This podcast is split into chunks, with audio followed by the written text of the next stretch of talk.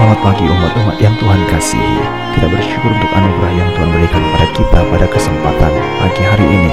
Kita akan membaca kitab suci dari bilangan pasal yang ketujuh Ayat yang pertama sampai ayat yang kedua. Kemudian kita akan membaca pada ayat yang ke-89 Bilangan pasal yang ketujuh ayat 1 sampai ayat yang kedua Kemudian kita akan membaca ayat yang ke-89 Jadi dalam pasal yang ketujuh bagian pertama dan bagian akhir Demikianlah firman Tuhan.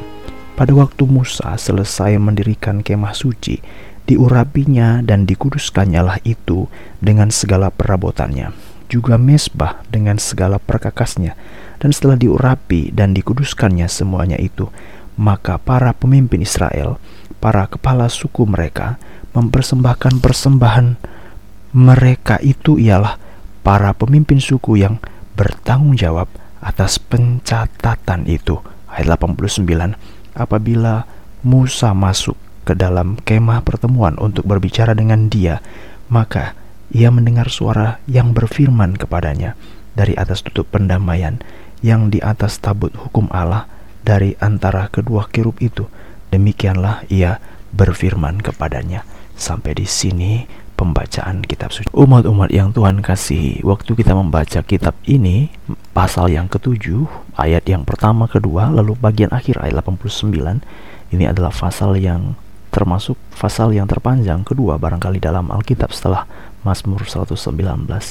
Dan isi semua ini adalah tentang persembahan. Tetapi sebelum kita masuk kepada maksud daripada persembahan yang disebutkan itu, kita akan melihat dalam kitab bilangan ini tema yang muncul ini adalah tahapan. Jadi setelah kemarin kita membicarakan ada penghitungan daripada orang Israel untuk berperang, lalu mereka diberikan petunjuk tempat mereka, penempatan-penempatan mereka di sebelah mana, pemukiman mereka tempatnya di mana. Nanti itu paralel dengan pasal yang ke-26.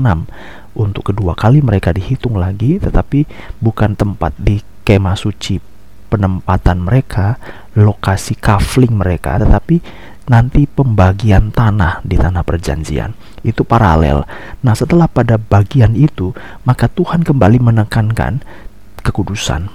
Dan bagi bagian ini penting sekali karena pada waktu kita membaca isu tentang kekudusan ini adalah peristiwa di mana kemah suci sudah jadi dan mereka akan mulai menggunakannya tetapi mereka perlu ingat bahwa walaupun ini sudah jadi dan segala sesuatu sudah diatur oleh Tuhan oleh firman-Nya dan begitu banyak yang diberikan Tuhan petunjuk-petunjuk dan semua perkakas kemah suci sudah jadi siap untuk digunakan imam sudah dilantik imam besar dan semua sudah ready atau siap untuk menjalankan pelayanannya, nanti kita akan lihat orang Lewi juga disucikan atau ditabiskan, lalu mereka juga akan menjalankan tugas-tugas pelayanannya dan jangan lupa walaupun semua sudah established, semua sudah ada kekudusan, tetap Tuhan meminta. Itu sebabnya dalam bilangan awal setelah pada pasal yang kedua, pasal yang ketiga, maka Tuhan mulai menceritakan lagi tentang hukum yang harus mengingatkan lagi orang Israel bagaimana mereka jika berjanji, bagaimana orang-orang yang boleh masuk dan orang yang tidak tahir, yang harus menerima, memahami, melihat Tuhan itu kudus dan kita penuh dengan kecemaran dan kelemahan. Jadi ini semua harus di berikan pemahaman sehingga orang datang kepada Tuhan, mereka datang dengan memohon anugerah supaya kiranya Tuhan berbelas kasihan, memberikan kepada mereka keselamatan, memberikan kepada mereka pendamaian. Jadi tentang kekudusan dibicarakan lagi. Ini tahapannya. Jadi sebelum kemah suci itu nanti dimulai atau dibuka atau dilaksanakan, maka Tuhan kembali menegaskan kekudusannya dan itu ditandai dengan beberapa penambahan atau mengingatkan kembali beberapa hukum-hukum dan nazar, kenajisan, ketidaktahiran di antara orang Israel. Tetapi bukan hanya orang Israel saja, ada suku Lewi. Nanti kalau kita baca dalam bagian awal ini, orang Lewi juga itu nanti dikuduskan atau ditahbiskan supaya mereka juga menjalankan pelayanan mereka dapat kita baca dalam bilangan pasal yang ke-8. Jadi tahapan pertama itu adalah Tuhan mengingatkan kekudusan. Siapakah semua umat Israel? Siapakah juga orang Lewi dan para imam? Semuanya juga harus kudus. Siapa pun juga. Nah, tahap kedua adalah pentahbisan daripada bait suci itu sendiri atau kemah suci bilangan pasal 7 ayat 1 pada waktu Musa selesai mendirikan kemah suci, diurapinya dan dikuduskannya itu dengan segala perabotannya. Jadi waktu kita membicarakan kitab bilangan, maka Tuhan itu memunculkan tema-tema yang berkaitan dengan angka, yang berkaitan dengan jumlah, yang berkaitan dengan penghitungan, yang berkaitan dengan deretan-deretan, apa itu peristiwa, apakah itu orang, apakah kembali lagi mengingatkan sebagai frekuensi untuk kesekian kalinya Tuhan mengingatkan kekudusan tetapi pada bagian pasal 7 yang dikuduskan atau yang suci itu juga adalah kemah suci itu sendiri itu sebabnya kemah suci itu adalah kemah yang suci, tetapi dia pun perlu disucikan. Nanti kalau kita baca Imamat pasal 26 pada masa yang lampau, kita sudah tahu bahwa kemah suci pun perlu disucikan lagi. Dalam pasal yang ketujuh satu, sebelum kemah suci itu dipergunakan, maka ada yang disebut dengan pentahbisan kemah suci. Dan kalau kita baca dalam ayat 1 dan ayat 2, pentahbisan kemah suci itu dilaksanakan cukup panjang saudara-saudara, hampir membutuhkan waktu dua pekan, dua minggu. Itu tahap yang kedua. Jadi yang pertama orangnya, semua umatnya, orang biasa, orang biasa, imam, orang Lewi. Yang kedua, kemah sucinya dikuduskan, disucikan, ditahbiskan sebagai suatu momentum titik awal di mana inilah diserahkan, didedikasikan untuk kemuliaan Tuhan dan melayani daripada semua orang-orang Israel. Tahap yang ketiga adalah persembahan.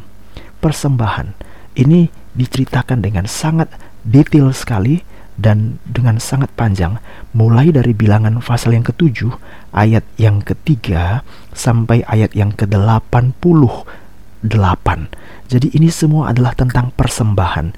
Siapa yang beri persembahan? Semua umat itu. Jadi ada aspek kekudusan tahap yang pertama, diingatkan lagi.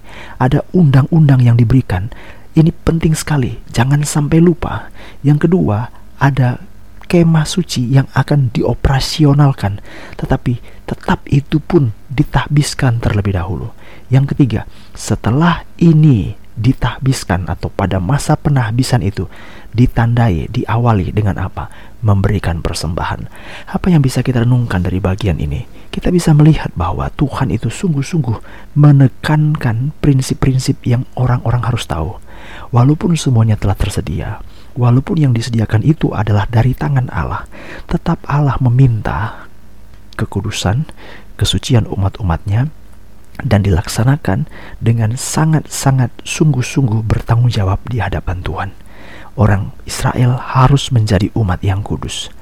Dan kemudian kalau kita lihat contoh lain, kemah suci sendiri yang peruntukannya adalah kudus, yang dibuat sebagai benda-benda yang kudus, yang orang mengambil, masuk, keluar, mempergunakannya tidak dengan sembarangan. Itulah sebabnya disebut sebagai kemah suci atau kemah yang kudus. Itu pun tetap harus ditahbiskan atau semacam dipersembahkan suatu pengudusannya kepada Allah. Dan yang ketiga, saudara-saudara, aspek daripada tahapan ini, kekudusan itu adalah persembahan. Dan kalau kita baca, ada 12 suku Israel, maka 12 itu mereka memberikan persembahan yang tidak kurang dan tidak lebih sesuai dengan apa yang diperintahkan Tuhan dan bagaimana mereka merespon anugerah daripada Tuhan. Persembahan. Ini ayat yang cukup panjang sekali. Nah, itulah sebabnya kita melihat bahwa waktu kita datang diundang untuk bersekutu dengan Allah, ada prinsip persembahan yang tidak boleh lupa. Waktu kita diundang untuk menerima anugerah Allah, itu pemberian Allah kan, tapi ada prinsip persembahan yang mengikutinya. Jadi waktu Tuhan akan menjalankan suatu pelayanan yang namanya pelayanan lewat kemah suci, apa tindakan yang diikuti setelahnya? Persembahan memberikan kepada mereka pengampunan, memberikan penebusan salah, memberikan ampunan dosa, memberikan kepada mereka pemeliharaan dan seterusnya, itu adalah anugerah dan berkat Tuhan. Tapi apa respon manusia? Persembahan. Jadi kalau kita hidup diminta Tuhan untuk kudus, kalau kita diminta Tuhan untuk jalankan firman Allah, itu bukan kebanggaan. Itu belum jadi persembahan. Itu adalah kewajiban. Setelah kita menjalankan itu, baru kita beri lagi persembahan. Jadi tiga tahap ini jangan lupa saudara-saudara dalam bilangan masa awal.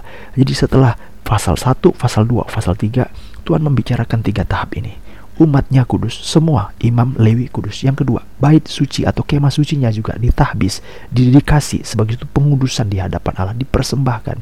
Yang ketiga, persembahan dari setiap orang Israel. Jadi setiap satu hari, 12 hari, persembahan itu 12 hari saudara-saudara. Kalau kita baca ke ayat 10, pemimpin-pemimpin suku memberikan persembahan 12 kali diulang 11. Satu pemimpin setiap hari haruslah mempersembahkan persembahan untuk mentahbiskan mesbah itu. Setiap hari dengan persembahan yang sama, ukuran yang sama, dengan frekuensi yang sama, dengan kekuatan yang sama, dengan niat yang sama, dengan hati yang sama, dengan takaran yang sama, mereka persembahkan ini kepada Tuhan. Jadi tiga tahap ini merupakan tahap yang sangat indah sekali dan diakhiri dalam ayat 89 apabila Musa masuk ke dalam kemah pertemuan untuk berbicara dengan Allah, maka ia mendengar suara Allah yang berfirman kepadanya dari mana? Dari kemah suci itu sendiri. Walaupun kemah suci adalah tempat di mana Allah berdiam, tapi itu pun ditahbis, dikuduskan, dan dipersembahkan kepada Allah. Ini adalah prinsip yang sangat penting sekali. Dan kalau kita membicarakan pasal tentang kekudusan ini dan persembahan ini, ini adalah menjadi pendahuluan tentang dosa bangsa Israel setelah kita masuk nanti mulai pasal yang ke-10, pasal 11 sampai pasal yang ke-13. Karena pasal itu adalah pasal pemberontakan. Dan kalau dari awal Tuhan berkata, semua umat kudus, imam kudus, pemimpin kudus dan memberi persembahan, maka dalam pasal 10, pasal 11 sampai pasal 13. Maka yang memberontak siapa? Umat Tuhan memberontak, rakyat biasa memberontak, pemimpin pun seperti Harun dan e, Miriam itu pun memberontak kepada Tuhan. Jadi ini merupakan suatu gambaran hitam putih, suatu gambaran yang sangat memilukan hati. Apa yang Tuhan katakan sudah disebut dari awal, setiap orang harus kudus. Tetapi itulah sebabnya Tuhan membuat perhitungan, Tuhan membuat bilangan, Tuhan membuat angka, Tuhan membuat statistik bagi orang Israel. Dalam kitab inilah Tuhan mendaftarkan, memperhitungkan pelanggaran-pelanggaran mereka yang membuat mereka berputar selama 40 tahun di padang gurun.